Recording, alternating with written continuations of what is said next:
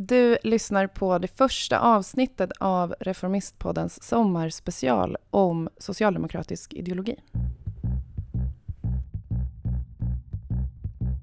I en nybildad förening, Reformisterna, vill de tre i ett nytt program skapa en ny ekonomisk politik, en starkare socialdemokrati och ett bättre Sverige, skriver de på DN Debatt.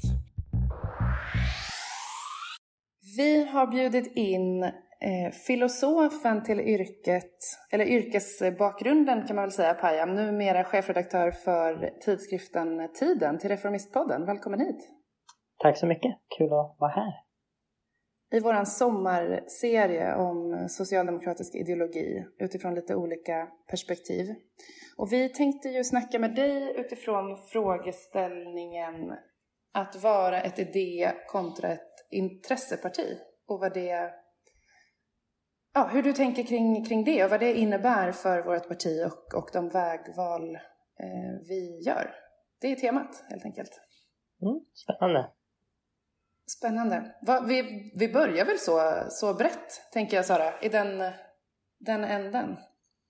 Ja. Är socialdemokrati, eh, Socialdemokraterna ett idé eller ett eh, intresseparti och vad är egentligen skillnaden, Pajem? Ja, men såklart så, så är vi både och och vi har liksom alltid varit både och.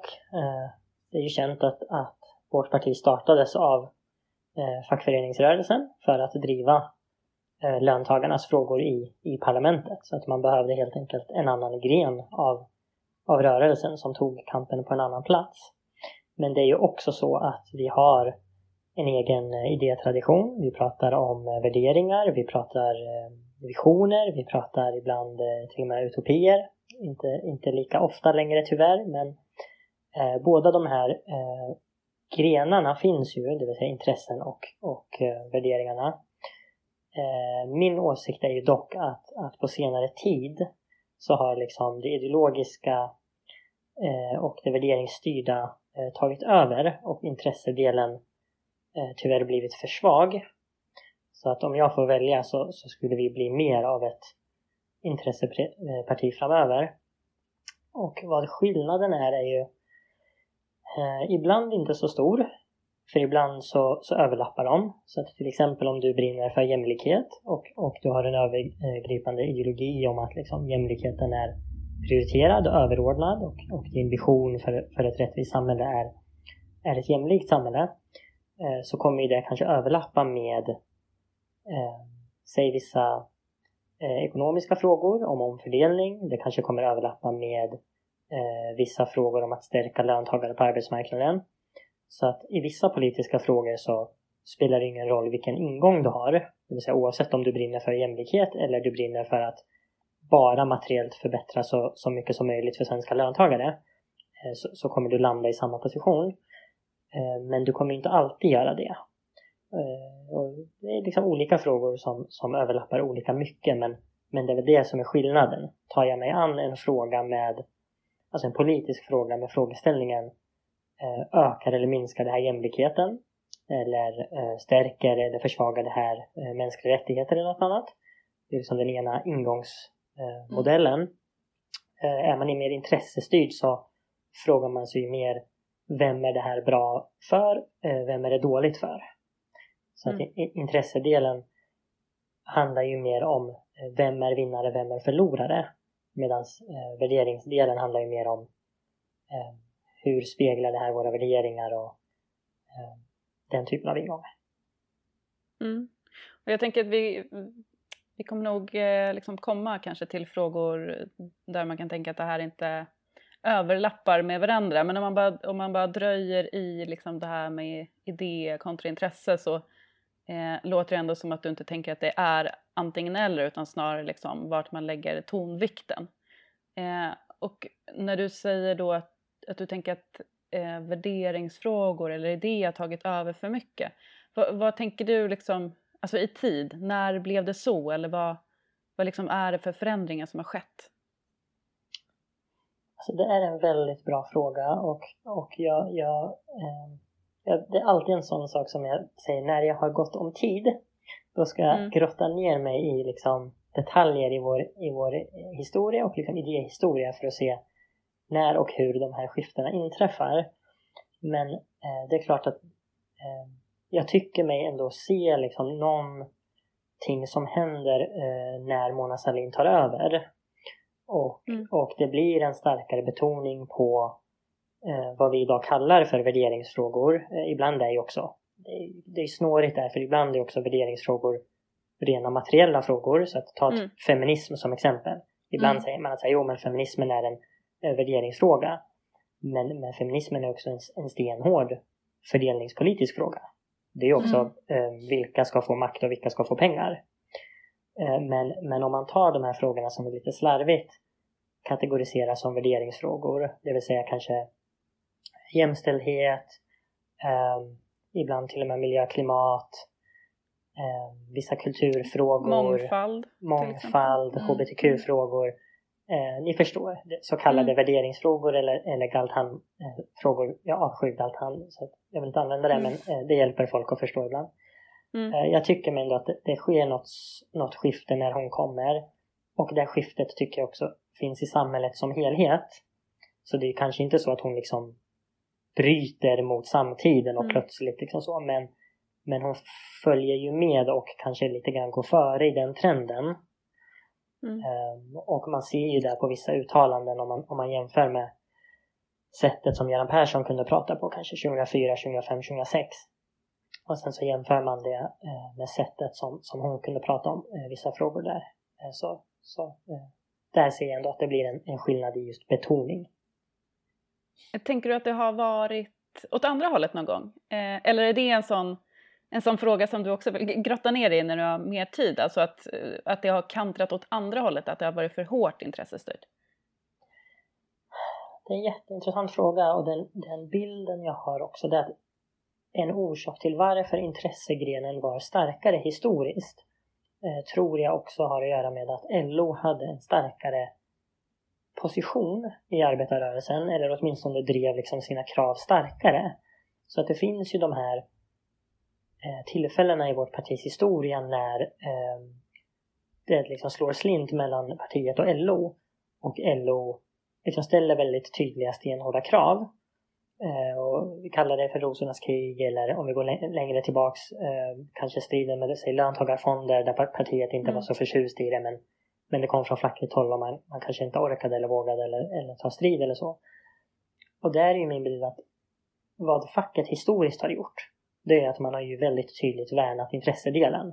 Man har ju slagits eh, för frågor som handlar om liksom arbetsmarknad, pension, mm. eh, villkor. Mm. Och när partiet ibland kanske, eh, oavsett om det handlar om eh, parlamentariska eh, orsaker, att partiet har liksom gått mot mitten för att vinna mittenpartier, eller för att partiet har eh, liksom gått igång på de här värderingsfrågorna eller ideologiska frågor och eh, eldsjälar har gått lite för långt eh, så har ju liksom LO haft den funktionen att man aldrig, alltid har dragit tillbaks och sagt att så här, det här är våra topp tre viktigaste valfrågor.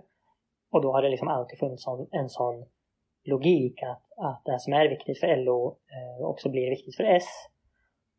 Idag så är det väl tyvärr inte så och det tycker jag är ganska allvarligt. Jag ser liksom inte riktigt att LO fyller den funktionen eh, som de historiskt har haft. Det är klart att de fortfarande gör det till viss del.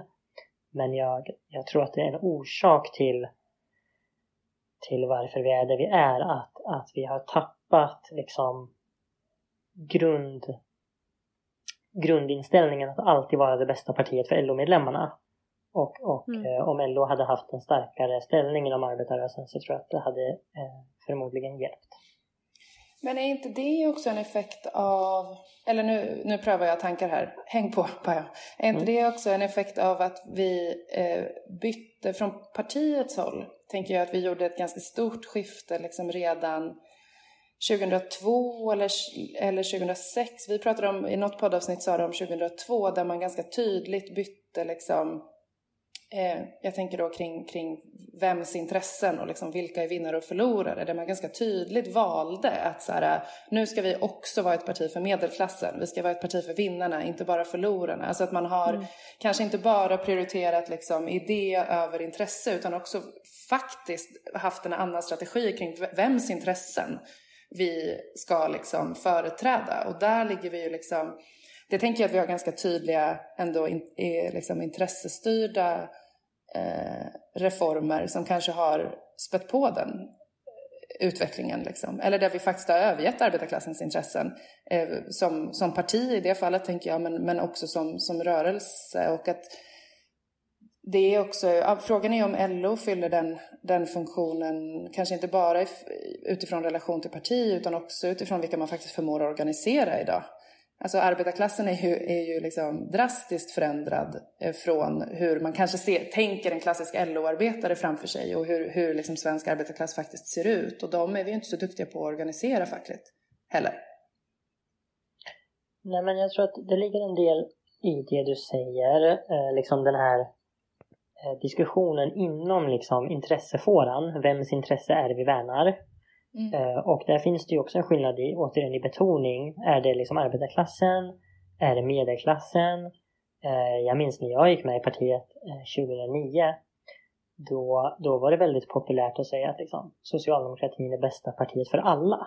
För även de allra rikaste tjänar av liksom välfärdssamhället och välfärdsstaten. Mm. Så då, då var vi inte ens liksom ett parti för the 99% utan då skulle det vara liksom ett parti för 100%. Det där, tack och lov, hoppas jag att vi släpper liksom idén. Mm. Eh, men, men jag skulle ju säga att, att um, det, det, det, råder nog en konsensus, jag tror att liksom alla håller med om att vårt partis framgång och, och styrka, liksom en av de anledningarna till varför vi förändrade Sverige så dramatiskt var för att vi lyckades eh, samla både arbetarklass och medelklass. Och, och jag gillar inte heller när man gör den här liksom tydliga uppdelningen. För i min värld, eh, det är inte så världen ser ut. Alltså om, om man jämför livsvillkor och liksom vardag för en, eh, säg klassisk eh, LO-arbetande man mot en, säg eh, klassisk TCO-tjänstemannakvinna. Eller tvärtom, ta en, en, en undersköterska eh, eh och jämför liksom med ja, men säg en lägre, lägre utbildad tjänstekvinna. Vad är liksom de stora radikala skillnaderna i deras liv, i deras vardag, i saker de behöver liksom få förbättring och liksom få, varför behöver de liksom politikens hjälp? Utan, utan när jag liksom försöker se världen och, och förstå vilka skillnader lever, eh, vilka människor lever annorlunda från andra människor och varför, då är det ju en liten elit idag. Eh, som har liksom oerhört mycket ekonomiska resurser, som har oerhört mm. väldigt mycket ekonomisk makt. Och sen så har du eh, en grupp i samhället som är liksom utanför. Vi pratar liksom långtidsarbetslösa, sjukskrivna och så vidare. Men den här idén om att liksom vi måste prioritera LO-männen eller LO-kvinnorna framför TCO-kvinnorna. Den är lite... Nej men jag gör nog inte den, jag gör inte den, det är inte så jag definierar arbetarklass Eh, tänker jag. Eller när jag pratar om liksom vilka intressen. Jag tänk, precis som, som du Payam så tänker jag att jag som är liksom tjänsteman då har ju ungefär lika, alltså jag tänker att det är eh, till syvende och sist en fråga om liksom makt över sin vardag och sitt, liksom, vad har jag för frihet om mitt jobb bestämmer sig för att flytta produktionen utomlands eller om mitt jobb bestämmer sig för att göra någonting helt annat. Alltså vem, vem har liksom mest makt över livet eller kapitalet eller liksom politiken och där tror jag att det finns många likheter mellan, mellan liksom tjänstemän och traditionella arbetare. Liksom vem, vem köper respektive säljer arbete om vi ska vara så grundläggande. Men, men att det ändå har skett en intresseförflyttning i eh, också vilka frågor man har prioriterat. Ja, absolut, jag tror, jag tror att någonting som jag har, har jag säga, tagit till mig under åren som, som aktiv Eh, det är att jag har fått en större respekt för ansvarsfördelningen inom arbetarrörelsen. Det vill säga att de olika grenarna har olika uppgifter. Och, och för mig är det naturligt eh, och självklart och liksom rimligt att S som den parlamentariska grenen ehm, ska göra sitt allra bästa för att få liksom, parlamentariskt inflytande. Och i vissa tider kommer det innebära att S eh, behöver vinna så kallade mittenväljare. I andra tillfällen Eh, kommer det innebära att eh, man måste kämpa för att nå liksom låginkomsttagare och traditionell arbetarklass. Vilken grupp S behöver vinna liksom för stunden beror ju på liksom hur går det för andra partier, hur ser den parlamentariska kartan ut? Men, men det som jag tycker är så viktigt det är just att liksom den fackliga grenen LO alltid finns där som en garant. Så att även om liksom partiet skulle inse att så här, vår enda väg till makten är att, vad vet jag, nu ska vi sno moderatväljare eller nu ska vi sno eh, jag vet inte, centerväljare eller någon annan väljare eller det ena eller det andra och sen så bygger man en parlamentarisk strategi. Eh, jag har liksom full förståelse för det och, och eh, liksom den här parlamentariska strategin vi har haft Eh, senaste ganska många åren att liksom bilda samarbete över blocken, den, den tycker jag är rimlig och, och jag ser ingen annan strategi. Men det måste finnas en garant som säger till partiet att hörni, nu kanske ni är på väg att gå för långt. För att partiet kommer liksom kanske inte själv ha den förmågan för att uppgiften är att få parlamentariskt inflytande. Och det där jag ser att, att, att, att kanske eh, kan LO vara liksom en viktigare röst för att just hela tiden försäkra om att hörni, nu börjar ni, alltså, ni börjar glida lite för långt ifrån våra medlemmar. Deras hjärtefrågor är inte, vad ska man säga, RUT, ROT, eh, ja, en del andra saker som, som vi kanske har ägnat oss åt. Eh, så, men, men just den här, just den här liksom skillnaden i uppgift tycker jag är, är ganska viktig för ibland upplever jag också att folk liksom gnäller på partiet för, för den parlamentariska strategin och då kan det bli så här, men, men vilken annan parlamentarisk strategi föreslår du? Och då får man ganska sällan liksom svar. Men just då kan jag bli så här, men de som har till uppgift inom arbetarrörelsen att, att lyfta arbetarnas perspektiv, var, vart är de och liksom hur? Mm. Ni, förstår, ni förstår. Men är det inte mm. skillnad på liksom parlamentarisk strategi och politiken man för? Alltså jag tänker att man absolut behöver en parlamentarisk strategi men det känns ju tycker jag i alla fall, som att vi lite väl mycket har fyllt valrörelsen med vad som är den parlamentariska strategin. Alltså, vi, det är klart vi behöver fundera på hur vi löser makt i parlamentet när vi har ett valresultat. Men, men vi har ju också, liksom, vi behöver ju fundera på vad politiken är. Först. Oh, absolut, jo, men så är det ju. Och, och eh, det är väl därför jag tänker om vi ska, om vi ska eh, jag tror att eh, vi får ju se när det här avsnittet sänds, men så att lyssnarna kanske förstår. Vi spelar in den, om man får säga det, vad är det? 22 juni. Precis, och, och uh, i två dagar har vi haft typ regeringskris. Så att, så mm. att uh, i alla fall mm. min hjärna är lite, är lite där i liksom parlamentariska mm. vägval och så. Men uh, för att komma tillbaks till, till liksom grundfrågan någonstans som handlar om det här med intressen och, och värderingar och vad, hur de här olika benen fungerar så är det klart att du är helt rätt i att det kanske mest grundläggande ett parti måste göra innan det gör någonting annat. Det är ju att svara på den första frågan som är varför finns vi? Alltså vad är vår grundläggande uppgift? Och, mm. och det är därför jag tror att det här med intresse och värderingar spelar roll och återigen det överlappar ganska ofta men, men det finns en viss skillnad i om du svarar att eh, arbetarrörelsen eller socialdemokratins uppgift är att alltid förbättra för löntagarna.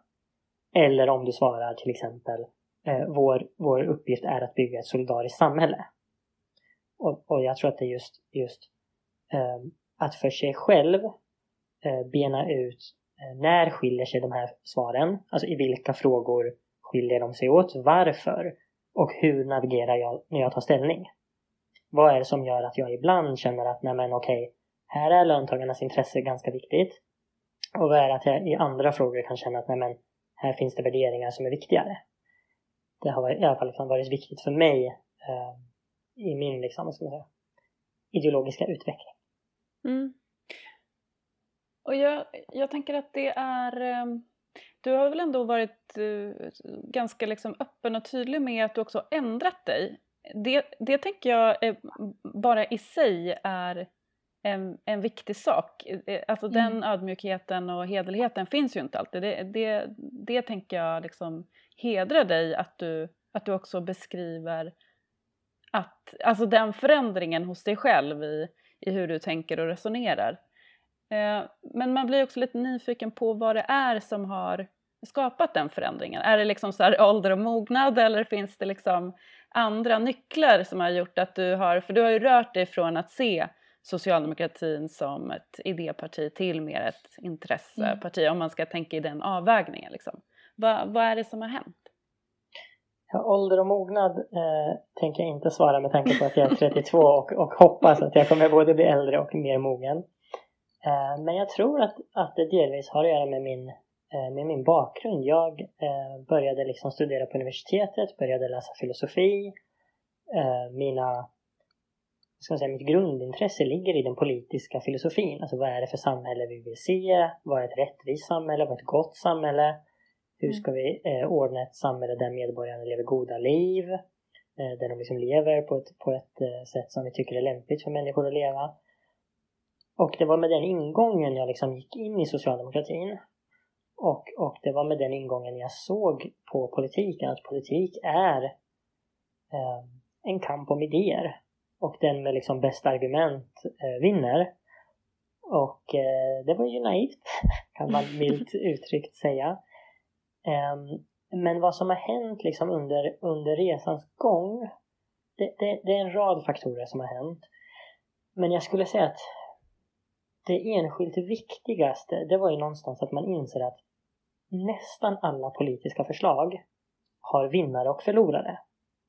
Alltså när man lever i eh, liksom, idéernas värld och när man pratar värderingar, det är också en, en orsak till varför jag inte egentligen tycker om att se politik som värderingar.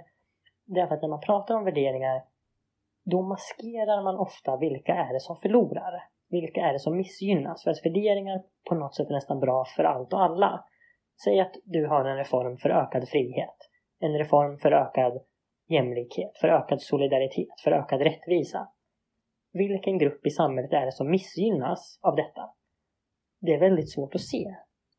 Och ju längre man, man håller på med politik eh, tycker jag att det blir enklare att inse att nästan alla förslag eh, i princip har vinnare eller förlorare och man inser att om du skruvar de här förslagen så kommer du också justera hur mycket de vinner och de som förlorar hur mycket de förlorar.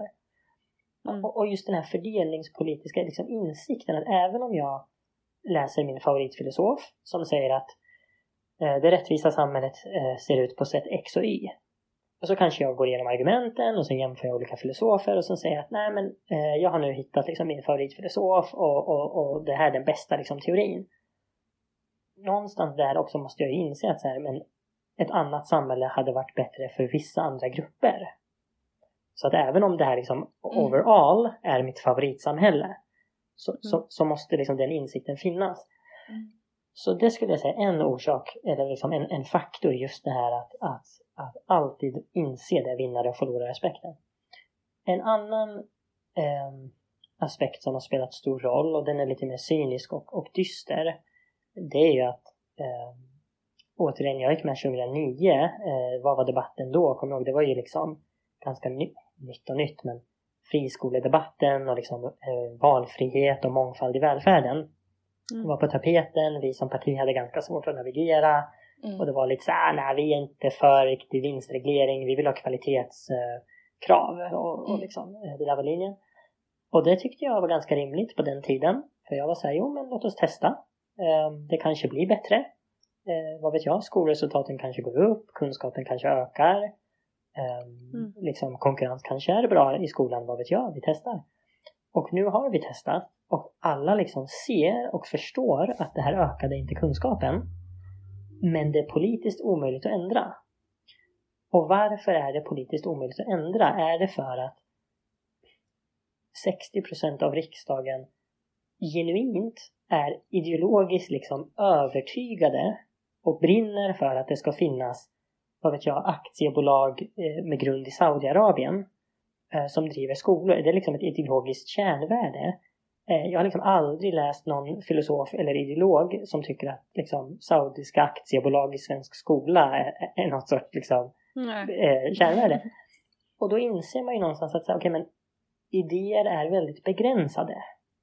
Du, du kommer liksom Men där kan bara... man väl tänka också, eh, du var inne på att idéer och värderingar kan maskera intressen och där tänker jag att liksom mm. det här eh, idén eller värderingen om att valfrihet är liksom ett Eh, det kärnvärde som man ska högtidlighålla, det maskerar ju eh, ett liksom, ekonomiskt intresse. Mm. I det fallet. Liksom. Precis, mm. precis. Och kanske också tänker jag att det är, det är intressena som också Eh, skapar liksom politisk konflikt mellan oss och andra partier. Alltså det är ganska svårt att ställa sig och bara vara emot jämlikhet. Om det är, så, om det, är det vi pratar om. Liksom. Det är ju de, att, att liksom materiellt eh, förändra för människor. Som vi som socialdemokrater säkert är överens om är liksom den konkreta vägen till jämlikhet. Men, men om vi bara säger, om vi bara pratar om värderingen eller, eller idén i det så är det ju ingen skillnad mellan oss och Annie Lööf. Eller mm. oss och Ulf Kristersson liksom. Precis. Nej men så är det verkligen och, och, och Centerpartiet är ju experter på det. Att, att ja. eh, de klär mm. alla deras intressekonflikter. Det spelar ingen roll om det är liksom småföretagare eller saudiska aktiebolag i skolan eller liksom riskkapitalister i vården. Eh, de säger ju aldrig att eh, det här är ett bra förslag för eh, de här liksom giriga kapitalisterna utan det är alltid att säga jo men nu är det mer valfrihet för småbarnsföräldrar. Man bara mm, men ja, ni förstår. Ja men också att man aldrig eh, liksom avkrävs riktigt något, något djup i det man säger. Alltså någonting som vi eh, som man liksom ofta pratar om så här, som att vi är brett överens om är alla människors lika värde. Men, men om man börjar så skrapa på vad betyder det då? Vad, mm. vad ska den värderingen få för konsekvenser i, i verkligheten och för fördelningen av makt och resurser? Eh, då börjar man ju liksom hitta jättemycket konflikter i det. Men, men när man liksom aldrig ställer några sådana frågor om, om, om vilket ansvar man tar för att alla människor ska ha lika värde, eh, då, då ser det ju ut som att eh, liksom vi, är, vi är helt överens om det här och det finns liksom ingen, ingen konflikt. Men, men då blir det ju också helt betydelselöst vad, vad det är för någonting. Ja men exakt så är det.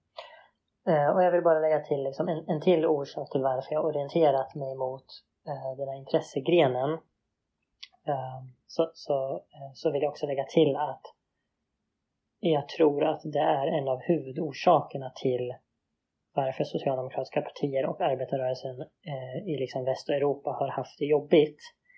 Det är ju för att eh, de som lämnat oss är ju egentligen de vi bildades för att vara till för. Det är ju inte liksom eh, vad ska man säga, den breda medelklassen eller akademikerna som, som en har lämnat oss utan Nej. tvärtom, vi ökar liksom i de grupperna. Och, och vill man förstå det, eh, eller när jag eh, vill förstå det, det, det finns ju massa olika förklaringsmodeller, men jag tycker det är ganska svårt att förklara utifrån ideologi. Det finns ju sådana förklaringar att liksom arbetarklassen av någon anledning eh, har blivit liksom högerradikala eller eh, plötsligt brinner för liksom skattesänkningar eller vad vet jag, privatiseringar. Eh, det är inte min uppfattning utan, utan min uppfattning är att de, eh, inte alla, men en stor majoritet eh, ställer sig själva frågan eh, vilket parti är bäst för mig och mina nära och kära. Och i många länder då, så är det eh, högerpopulister. Alltså det är deras uppfattning att de, det skulle vara bättre för mig och mina nära och kära om de eh, fick regera landet. Så, att, mm. så att, eh, det, det, är, det är en rad olika förklaringar till varför just, eh, vad ska man säga, jag betonar det här intressen och, och de samspelar. Men det var nog eh, de viktigaste tror jag. Hur, liksom, kan du ge förslag då, apropå den spaningen, så här, anledningen till att det går åt skogen, för det går ju minst åt skogen för för kanske just de svenska socialdemokraterna i en europeisk kontext, men, men ändå. Liksom, hur, vad är, vad är liksom de politiska förslagen för att vara mer intressestyrda utifrån arbetarklassens intressen som, som du skulle vilja se att vi liksom drev, satte på dagordningen? Ja, det är en jättebra eh, fråga och för min egen skull så ibland så har jag en, en övning där jag liksom eh, ställer mig frågan om jag hade som enda målsättning i politiken, ingenting annat spelade någon roll, än att jag skulle vara det materiellt bästa partiet för LO-medlemmarna. Vad hade jag drivit då? Mm. Och det är klart att eh, det uppstår vissa väldigt svåra frågor skulle jag säga när det gäller generationsfrågor. Alltså då pratar vi klimat. Mm. För, för det är klart att, att, att jag hade kunnat säga liksom, totalt avskaffa bensinskatten, eller koldioxidskatten. Eh, för den, den slår liksom oproportionerligt mot eh, människor utanför eh, storstäder och, och eh, liksom låginkomsttagare. Men hade det genuint varit bäst för LO-medlemmarna att avskaffa koldioxidskatten? Ah, förmodligen inte, för att de, de är också liksom beroende av en, en hållbar planet. Så att de generationella frågorna tycker jag är genuint svåra. Eh, men den ekonomiska politiken tycker jag är ganska enkel. Alltså att, att det, det, det, skulle jag välja då skulle partiet gå ut med ett löfte där man säger att vi kommer inte höja skatten för, säg runt 90-95% av befolkningen men vi kommer radikalt öka omfördelningen från de rikaste 5 procenten. och då pratar vi ju liksom kapitalskatt, vi pratar högre inkomstskatt, vi pratar förmögenhetsskatt, 3.12-regler. Mm. Uh, mm.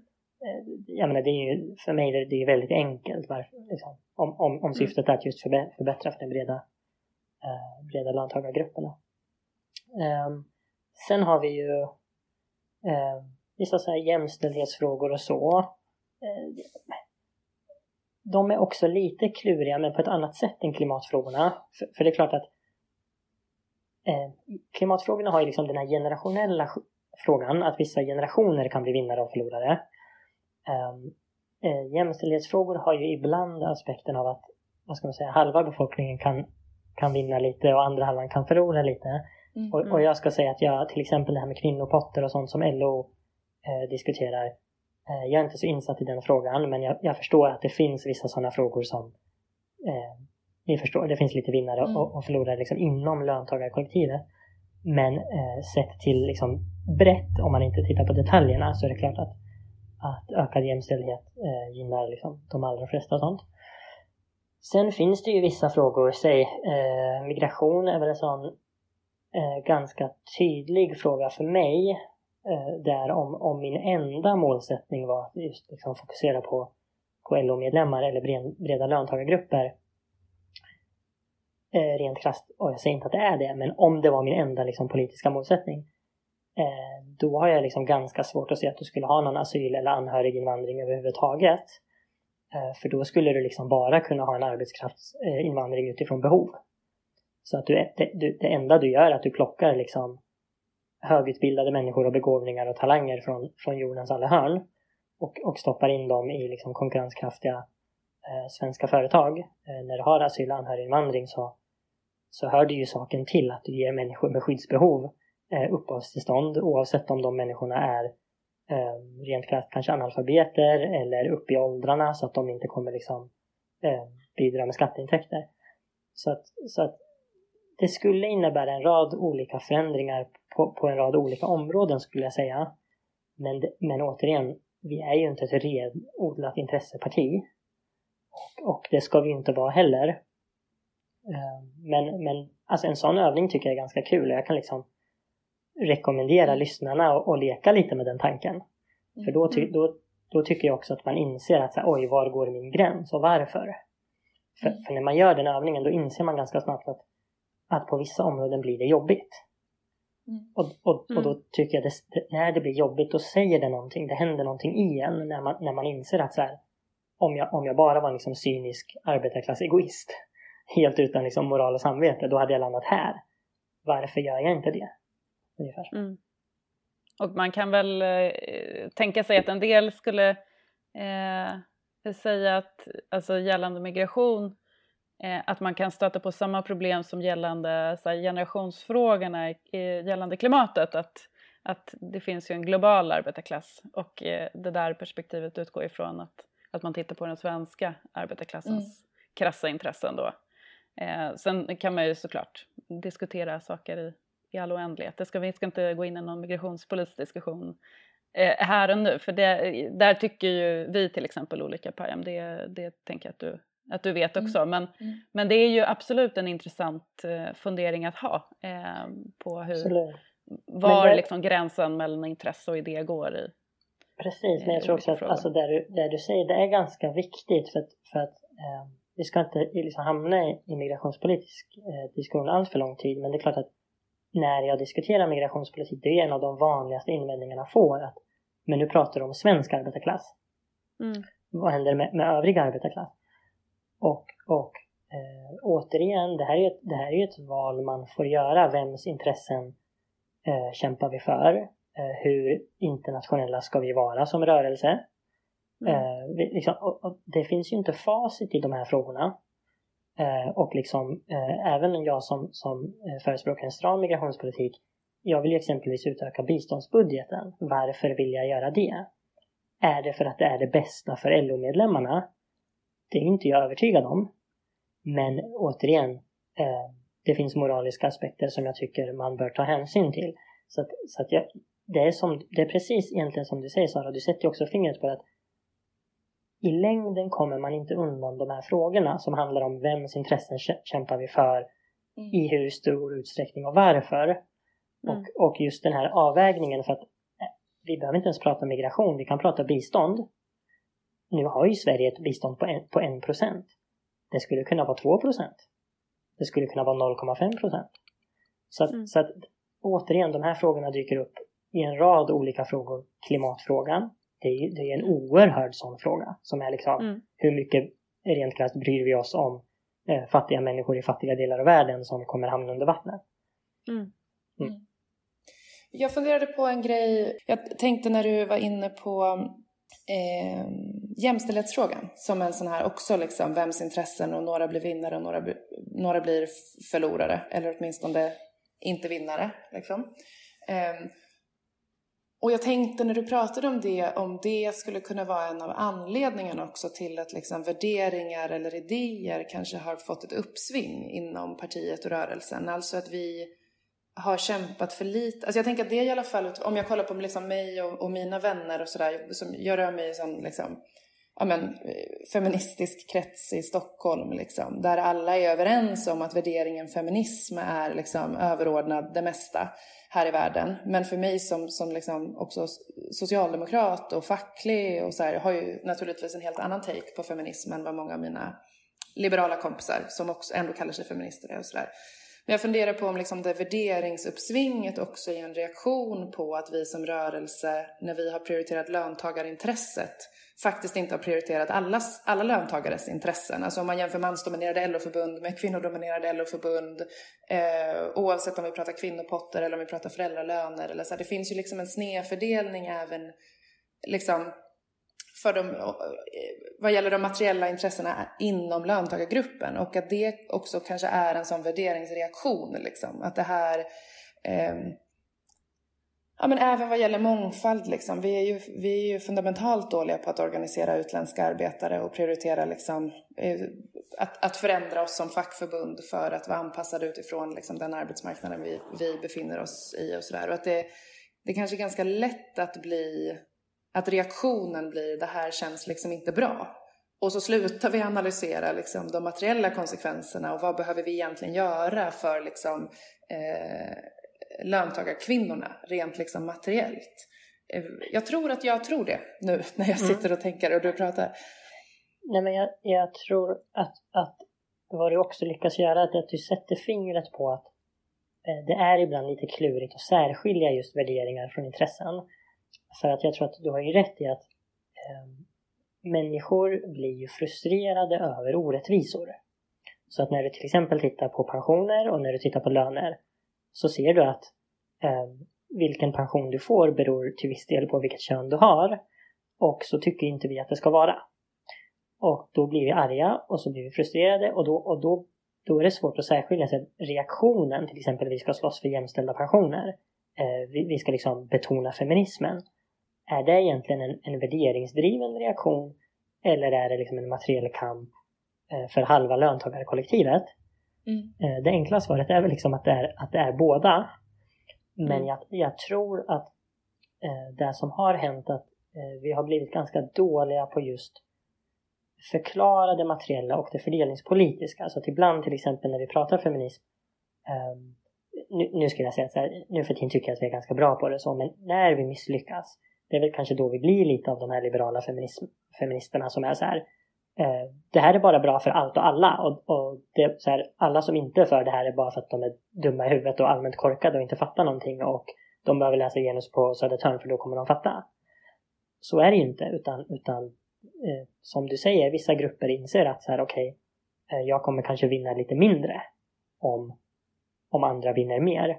Och då måste vi förklara var, varför det är mer viktigt för till exempel um, vad ska man säga, ensamstående kvinnor inom, eh, säg vårdyrken. Varför tycker vi det är viktigare att mm. de får 1000 kronor mer i månaden än att en man som tjänar 45 000 får 1000 kronor mer i mm. månaden?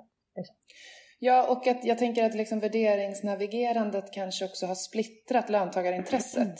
Alltså i den, att vi lite grann har köpt den verklighetsbilden. Att det är liksom män mot kvinnor eller alltså, eh, eh, eh, liksom, jag som jobbar på Byggnads, liksom, byggnadsarbetaren från, från Polen kontra byggnadsarbetaren från Göteborg liksom, och, och har tappat lite konfliktlinjen mellan liksom, eh, arbetare och arbetsgivare eller löntagare och liksom, 99 och 1 eller vad vi nu delar in oss i. Liksom. Att den här eh, värderingstrenden kanske riskerar att vi tappar navigeringen lite i intresse, utifrån löntagarintresset.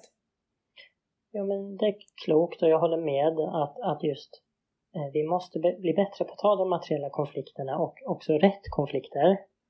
Eh, och vi var in, inne på det liksom att, att jag ser inte kanske de stora vinningarna av att ställa liksom LO-grupper mot TCO-grupper och, och, och hålla på och tjafsa där utan eh, det finns en grupp som är över båda de grupperna och, och som sitter på den liksom, reella makten och de reella resurserna. Men jag tror också att, att eh, det finns vissa intressekonflikter inte vi rör. Och det är ibland när vi inser att det finns grupper, vad ska man säga, under den breda löntagargruppen. Eh, då, då, tycker vi det är ganska jobbigt. Så att till exempel, eh, du sa liksom den, den polska arbetaren. Det är möjligt att den har sämre villkor i hemlandet. Och vi kanske inser att um, om vi reglerar arbetskraftsinvandringen så, så kanske den kommer få sämre villkor. Och, och, det är ju mycket jobbigare att göra någonting som påverkar en, en polsk fattig arbetare som vill försörja sin familj än att mm. göra någonting som tar lite pengar från liksom, familjen Wallenberg. Och, och, och, här tycker jag också att vi som rörelse måste vi måste lära oss att navigera i det här. Vad gör vi? Klimatfrågan är återigen det är en sån sak, migration. Det finns liksom en rad frågor där vi inser att, att här är inte liksom familjen Wallenberg just den viktigaste utan, utan det handlar kanske om eh, våra breda löntagargrupper mot människor i andra delar av världen. Och, och den, den, är väldigt svår, det ska jag säga. Jag, jag tycker liksom personligen den är väldigt svår. Men jag tror att vi måste hitta ett sätt att prata eh, om dem som är liksom äkta och genuint. För om vi bara låtsas om att det finns inga intressekonflikter, det, det fattar liksom folk att det finns. Återigen så här, mm. eh, svenska byggnadsarbetare är inte dumma. De, det är klart de förstår att, vad vet jag, om vi har en inre liksom, marknad i EU och, och vilka byggarbetare som helst får komma och de inte ens behöver följa svenska kollektivavtal. Mm. Okej, okay, de, de, det är klart de fattar att det är inte är bra för dem.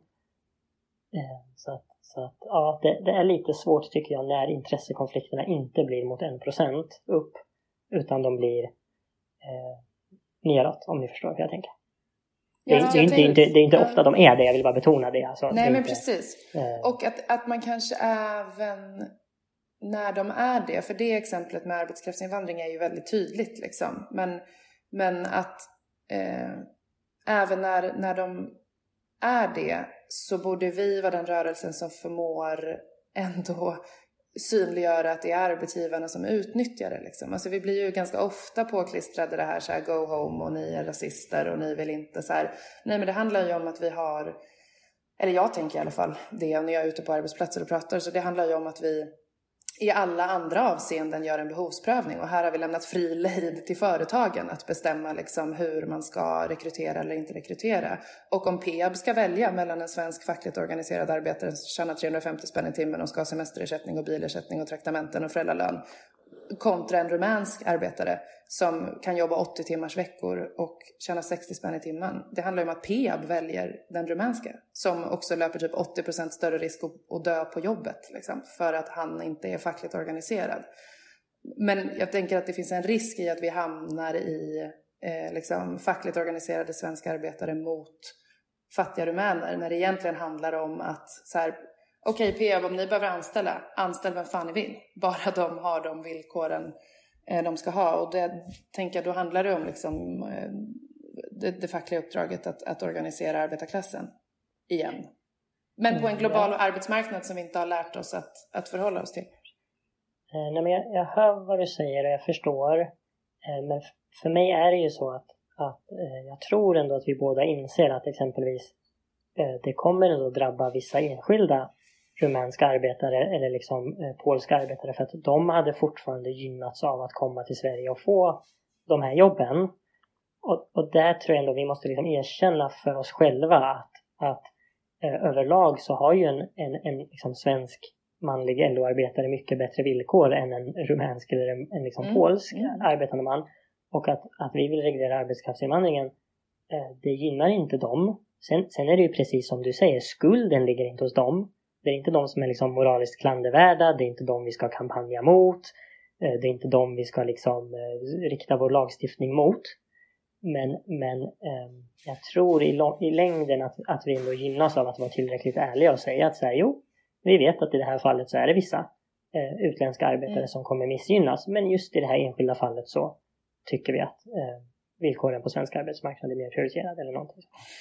Men du, jag tänker vi ska börja avrunda. Men jag har, jag har en fråga till. Jag vet inte om Linn kanske har någon mer fråga också. Men, eh, för jag man blir lite nyfiken på hur mycket det här... Eh, eller hur du tänker eh, kring vad vi som rörelse borde göra. Jag hör ju att du pratar om att vi har olika uppgifter i arbetarrörelsen och så är det ju.